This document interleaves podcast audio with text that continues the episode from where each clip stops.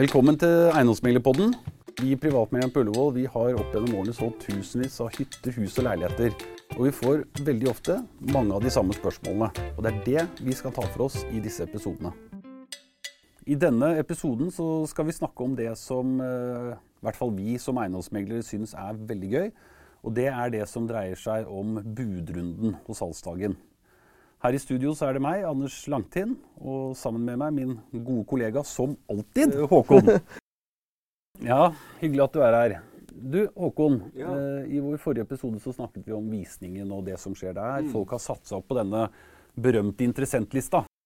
Og så er vi der. Den nå digitale visningslisten. Den nå digitale visningslisten, ja. eh, som nå fører opp til eh, Det er jo nå megleren skal liksom i manesjen. Det er jo nå han skal vise at han briljerer. Men før vi begynner med det, det er noen lover og regler, og det er noen tidsfrister og litt sånne type ting. Det kan du si noe om. Altså, Kort oppsummert så, så handler dette her bare om budrundefrister, akseptfrister, som i Norge er, er lovpålagt at eh, skal stå til klokken tolv dagen etter siste annonserte visning. Så det, kan Og det betyr på norsk Det betyr eh, på norsk at har du visning på en søndag, eh, og det er siste visning, så må det budet du legger inn, det må minimum stå til klokken tolv dagen etterpå. Hvis du legger inn bud senere, så er det selvfølgelig ikke noen frist å forholde seg til, men da er det selvfølgelig essensielt at eh, selger får god nok tid til å tenke seg om, og at megler får ringt de andre interessentene.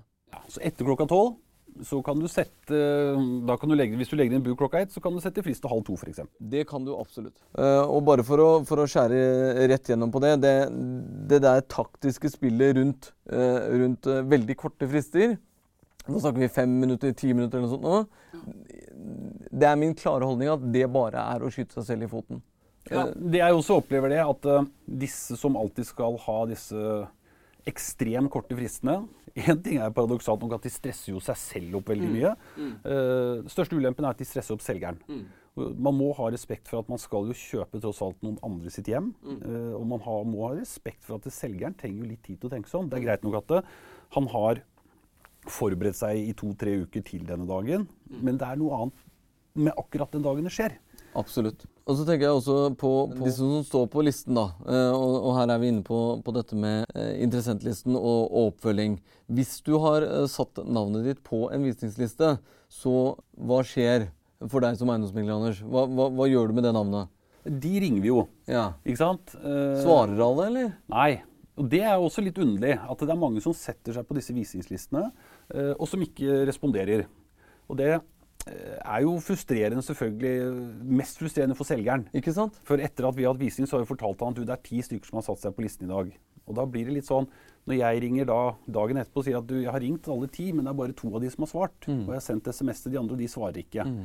Eh, så eh, setter man seg på en visningsliste og finner ut på kvelden, det må vi ha full respekt for, at nei, vet du hva, den der boligen der, det var ikke noe for meg. Send heller gjerne megleren din SMS at du, jeg ønsker å bli tatt av den listen, eller jeg ønsker ikke, jeg er ikke interessert. Altså Mantraet må jo være at det er helt greit å ikke være interessert lenger. Ja, ja, alle kan ikke kjøpe den. Nei. Det, det er faktisk bare én som kan kjøpe den. Og, og da er det likevel en, en, en klar og varm oppfordring fra enhver eiendomsmegler at bare gi en beskjed. Eh, Så kan vi absolutt forholde oss til at, eh, at du ikke vil gi bud, men da slipper vi å fylle opp, eh, fylle opp hva skal vi si, eh, Da får vi heller bruke tiden vår og prioritere de som er interessert, og Ikke kanskje sant. har noen tilleggsspørsmål, enn at vi skal jage etter andre. Helt klart. Helt klart. Eh, Jeg, jeg har jo selv mange ganger eh, ringt, ringt selgeren min, fordi som boligselger så, så sitter du der og tripper fra du våkner den Du sover faktisk litt Nei, du dårlig. sover dårlig. uh, og det, og det, det har jeg dyp respekt for, fordi, fordi dette er en ekstremt viktig dag. Uh, men men når, begynner, når begynner du som megler å, å ringe rundt, Anders? Du, Etter siste visning så begynner dere å ringe rundt sånn ni-halv ti Ikke eh, på morgen dagen etterpå Ja. for å avstemme hvordan interessen er. Men da er jeg også veldig taktisk i forhold til hvem jeg ringer. Ja. Eh, for vi er jo alltid på alle visningene våre selv. Eh, det er positivt for selvfølgelig for interessentene, for vi kjenner jo eiendommen godt og kan svare på de spørsmål som dukker opp. Men det er jo også en kjempefordel for selgeren og oss selv. For da vet vi hvem vi skal ringe først. Hvem er det vi føler er mest interessert for? Her er den vanskeligste og mest utfordrende delen av vår jobb. Det er å få inn det der første budet. Ja. Få disse gjerdesitterne ned. Jeg hadde en kunde som fortalte meg at fader, hvis ikke det skjer noe annet, så tar jeg henter en motorsag og får kappa ned det gjerdet, for nå var han lei av folk som satt og venta. For det er noe med det å få inn det første budet og få signalisert ut til alle de andre som står på listen, at du, nå er det i gang. Mm. Nå har det kommet et bud på den eiendommen i Ullevål Havby. Mm. Da må folk begynne å ta en avgjørelse. Skal jeg by, eller skal jeg ikke by?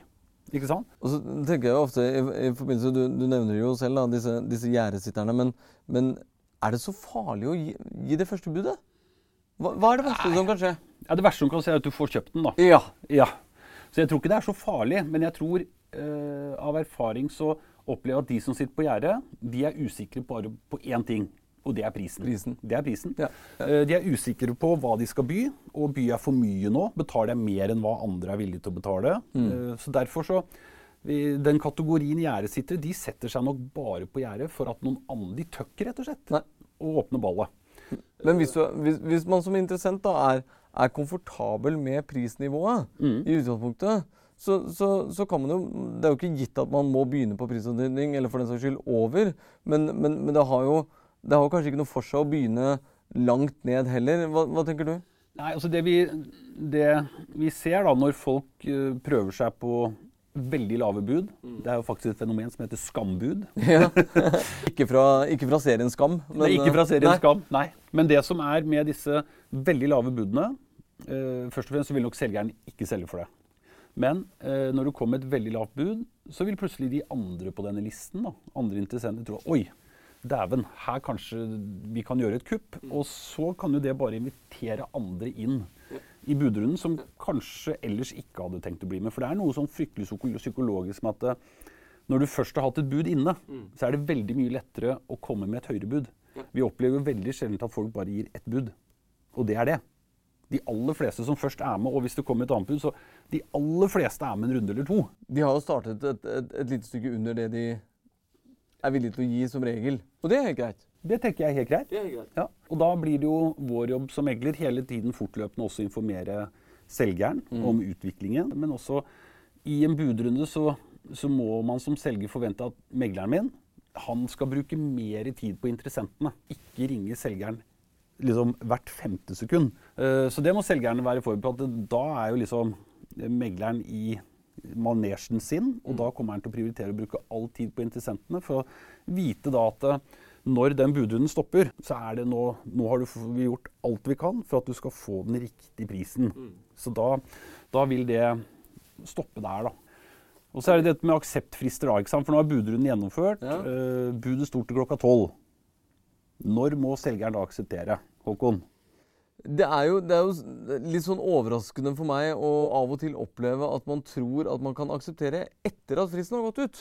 Skal ikke, skal ikke dra mange paralleller til dette her, men, men det er klart at når du har eh, et bud som du har kommet eh, deg til kjennskap, så sier avtaleloven at det selvfølgelig må returneres et svar for at det skal være en, en bindende avtale. Da, Ja, før fristen går ut, da. Før fristen går ut. Ja. Så det betyr jo at eh, hvis et bud står til klokken tolv, så må du som selger ha gitt megleren din beskjed, jeg vil si et minimum av ti minutter før den fristen går ut, slik at megler har tid til å akseptere til kjøper. Ja. Det som blir kjøper. Men det er vel ikke bare det at han skal akseptere budet. Altså en ting er at Hvis han aksepterer ti på tolv, så må jo også megleren må jo også gi beskjed til budgiveren. Ikke sant? Ikke sant? Du kan ikke vente til ett på tolv, for Nei. megleren må også skriftlig bekrefte overfor han som har lagt inn dette budet, at Ja, du ja. gratulerer, du har fått tilslaget.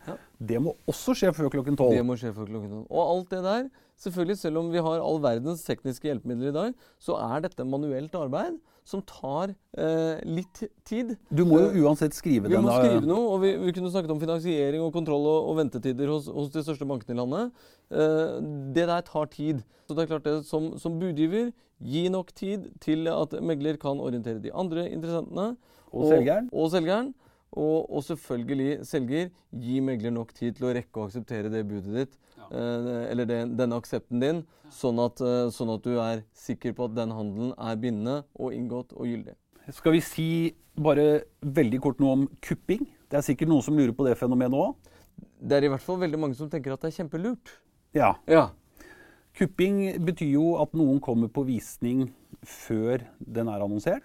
Veldig ofte så kan vi også oppleve at eh, en interessent går og bare banker på, Ja. uten å spørre oss som meglere Ja. om de kan få lov til å komme. Og da opplever man jo kanskje noen ganger at har man en bolig til 7 millioner, og så står det en familie der sent på kvelden og sier at du vet hva, vi tar det for 7,5. Mm.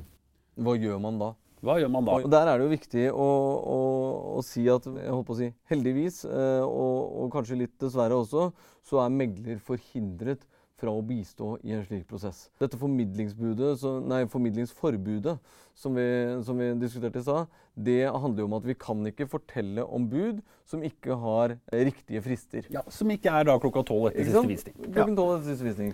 Og, og hvis du da får en som banker på sent på, på kvelden, det er jo hyggelig nok, det.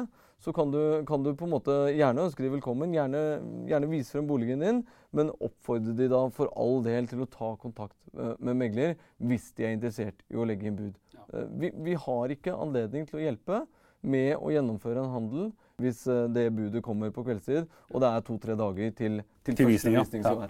Nei, så oppfordringen er å ikke drive med kupping. Det er risiko. Det er risiko. Det er risiko. For selgeren er jo en risiko. Ja. Selgeren får jo ikke sjekke finansieringen der på kvelden. Nei. Nei. Han får ikke sjekket uh, interessenten på visningen heller. Nei. Og faktisk som kjøper også, så tenker jeg du, du løper en risiko da også. Ja. Det er eh, Auksjonsmodellen uh, som vi har i Norge, den, den bør vi verne om. Den er veldig god. Vi må passe på at, eh, at dette skjer i ryddige og ordnede former. Det er, det er vår oppgave som eiendomsmegler. Og da, da trenger vi også at, eh, at selgerne og, og interessentene hjelper oss til å gjøre dette så ryddig og, og godt som overhodet mulig, tenker jeg. Ja, men bra. Da tenker jeg vi har vært gjennom eh, en del av de forskjellige tingene som, som omhandler det med budrunder og budgivning. Veldig, veldig bra. Absolutt. I vår neste episode skal vi snakke om det som skjer etter eh, at man har solgt, nemlig dette med kontraktsinngåelse, alle dokumentene som skal skje der. Så tusen takk, Håkon. Takk for eh, mye gode råd. Og så takker vi til dere som hørte på Eiendomsmeglerpodden vår, og så håper vi dere blir med oss i neste episode.